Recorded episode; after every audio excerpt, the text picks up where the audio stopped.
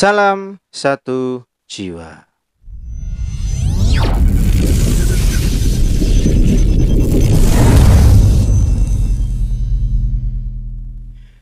Sepak bola selalu menghasilkan sisi-sisi unik yang menarik untuk diamati, termasuk para pendukungnya. Kedatangan mereka ke stadion tentu didasari oleh berbagai hal, mulai dari mencari hiburan, mendukung, atau bahkan menunjukkan sikap politik tertentu. Dari berbagai motif itulah kemudian muncul beberapa jenis pendukung klub sepak bola. Berikut lima di antaranya. Yang pertama ada hooligan. Hooligan adalah sebutan untuk fans sepak bola di Inggris yang mulai sering terdengar antara tahun 1960-an. Dilansir dari thefilms.co.uk, sebutan ini merujuk pada kelompok pendukung klub sepak bola Inggris yang gemar melakukan tur untuk mengikuti tim pujaan bermain di luar kota. Beberapa nama kelompok hooligan yang terkenal antaranya adalah Gunners, The Hurt, Villa Hardcore, Zulus Army, Headhunters, The Army, dan The Urkins. Mereka memiliki tradisi away days alias mengawal tim kesayangan ke luar kota.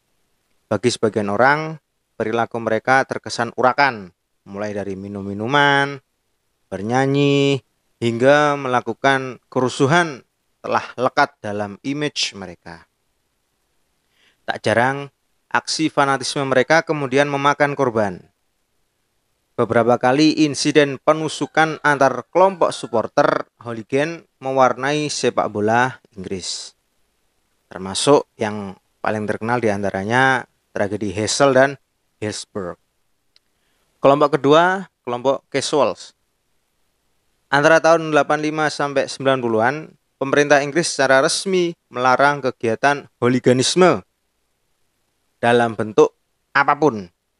Kebijakan ini dikeluarkan sebagai respon atas tragedi Hillsborough yang menewaskan 96 orang pada tahun 85.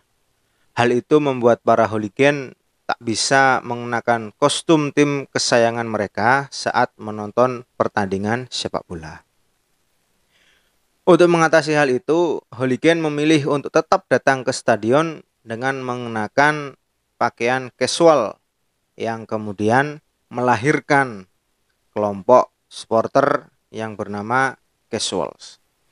Dilansir dari face.com, casual sendiri merujuk pada kelompok supporter yang datang ke stadion dengan mengenakan pakaian kasual, alih-alih kostum dan identitas klub.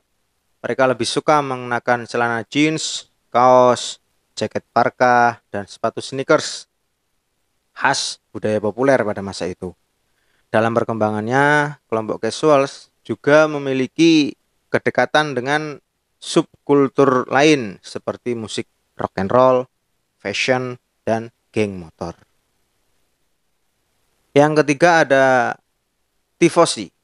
Tifosi sendiri pada dasarnya adalah bahasa Italia yang merujuk atau yang memiliki makna penggemar atau fans, sama seperti di Inggris sepak bola juga telah menjadi bagian dalam budaya masyarakat Italia. Di Italia, penggemar sepak bola sangat terikat dengan stereotip kedaerahan dan sikap politik. Supporter yang awalnya bertujuan mendukung tim kesayangan malah terjebak pada saling ejek kota asal dan pilihan politik. Ya, kurang lebih sama dengan Indonesia. Walaupun demikian, mereka bukanlah golongan supporter yang gemar bikin onar. Mereka khusus datang ke stadion untuk menonton sepak bola dan bersenang-senang. Kelompok tifosi adalah kelompok yang didominasi oleh keluarga kecil bersama anak mereka atau kadang juga sekelompok wanita. Mereka datang ke stadion dengan segala pernak-pernik klub, termasuk jersey, shawl, dan topi. Yang keempat ada ultras. Berbeda dengan tifosi, kelompok ultras diklaim sebagai kelompok supporter yang lebih ekstrim. Pada awalnya mereka muncul pada akhir tahun 60-an. Kala itu pendukung dari klub-klub Itali membentuk semacam geng yang menempati tribun berdiri di belakang gawang dengan nama Brigade Fedayen atau Komendo. Kelompok Ultras sendiri identik dengan gaya penampilan serba hitam, menggunakan scarf dan jaket hoodie. Mereka menonton pertandingan sambil berdiri dan terus menyanyi sambil kadang mengibarkan bendera atau membakar petasan. Berbeda dengan hooligan, Ultras cenderung memiliki sikap politik. Seringkali mereka menuliskan aspirasi mereka di spanduk-panduk yang terpasang di stadion. Mereka adalah kelompok yang terorganisasi dengan baik, walaupun kadang lebih bersifat anonim. Tak jarang mereka akan memprotes pihak klub jika kebijakan klub dirasa kurang menguntungkan. Yang terakhir atau yang paling umum adalah mania. Kata mania sering kali digunakan oleh kelompok supporter di Indonesia. Misalnya Jackmania, Bonek Mania atau Aremania.